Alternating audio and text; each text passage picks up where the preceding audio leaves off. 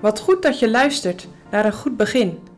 In deze podcast brengen we de boodschap van Romeinen dichtbij. Vandaag met Johanneke de Brouw. We lezen samen Romeinen 4, vers 9 tot 15. Deze zaligspreking dan, is die alleen over de besnijdenis of ook over de voorhuid? Want wij zeggen dat Abraham met geloof gerekend is tot gerechtigheid. Hoe is het hem dan toegerekend, als hij in de besnijdenis was of in de voorhuid? Niet in de besnijdenis, maar in de voorhuid. En hij heeft het teken der besnijdenis ontvangen tot een zegel der rechtvaardigheid des geloofs, die hem in de voorhuid was toegerekend, opdat hij zou zijn een vader van allen die geloven in de voorhuid zijnde, ten einde ook hun de rechtvaardigheid toegerekend worden, en een vader der besnijdenis, degene namelijk die niet alleen uit de besnijdenis zijn, maar die ook wandelen in de voetstappen des geloofs van onze vader Abraham, met welke in de voorhuid was. Want de belofte is niet door de wet aan Abraham of zijn zaad geschied, namelijk dat hij een erfgenaam der wereld zou zijn, maar door de rechtvaardigheid des geloofs. Want indien degenen die uit de wet zijn erfgenamen zijn, zo is het geloof ijdel geworden en de beloftenis teniet gedaan. Gisteren eindigden we in een lied, of beter gezegd in een lofprijzing uit Psalm 32. Welzalig, dat wil zeggen gelukkig, is die mens van wie het onrecht is vergeven en van wie de zonden zijn bedekt. Gelukkig is de mens aan wie de Heere de zonde niet toerekent. Op deze lofprijzing volgt een vraag, en ik zeg het maar even mijn eigen woorden. Prijzen deze woorden een besneden of een onbesneden mens gelukkig? Met deze vraag staat het weer even helemaal op scherp in de gemeente van Rome. Voor wie geldt dit wel gelukzalig dan? Is dit alleen voor de Joden, de besnedenen, of ook voor de heidenen, de onbesnedenen, die in de voorhuid zijn? Abraham is immers de stamvader van de Joden.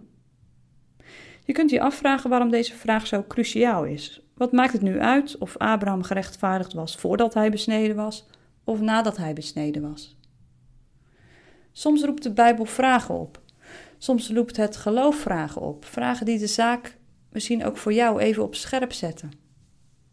Als je vragen hebt, cruciale vragen misschien, ga dan op zoek naar antwoorden in de Bijbel. Of zoek naar informatie gegrond op Gods woord. Een vraag over God moet uiteindelijk leiden naar God. Terug naar de vraag hier over de besnijdenis en de rechtvaardiging. In Genesis lezen we dat Abraham pas 14 jaar nadat hij de belofte van God voor het eerst door het geloof omhelst had, besneden is. Hij is dan 99 jaar oud. Aan hem werd het geloof tot gerechtigheid dus gerekend voordat hij besneden was. De besnijdenis is daarom niet nodig om aan God toe te behoren. Dat is ongetwijfeld een antwoord van belang voor de heidenchristenen die niet besneden waren. De boodschap van het welgelukzalig zijn zij komt tot ieder gemeentelid van Rome. Abraham werd niet besneden omdat hij geloofde. Hij heeft de besnijdenis ontvangen als een teken en als een zegel. Een teken wijst ergens naartoe, zoals een richtingwijzer de weg wijst, en een zegel is een bevestiging, zoals je ergens een stempel onderzet.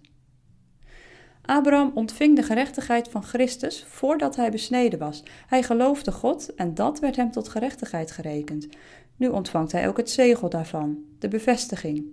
En de besnijdenis wijst daarop als uiterlijk teken. De besnijdenis laat zien en bekrachtigt: Wel gelukzalig ben jij, Abraham, omdat God je de zonde niet toerekent. Je bent vrij van zonde en straf op de zonde, omdat Christus voor jou de schuld heeft betaald. En dat is niet afhankelijk van je besnijdenis. En, zegt Paulus, zo is hij de vader van alle gelovigen, besneden en onbesneden. Of in onze tijd gedoopt of ongedoopt.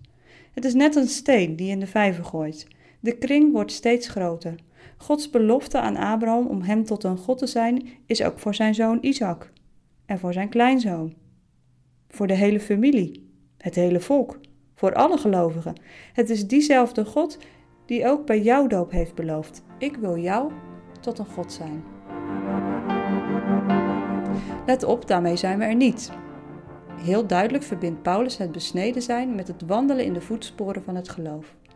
Besnijdenis als uiterlijk teken alleen is geen grond om wel gelukzalig te zijn, net zo min de doop op zichzelf je zalig kan maken. Wat is er dan nodig? Het antwoord is niet moeilijk. Daar is geloof voor nodig. Geloof in een belovende God.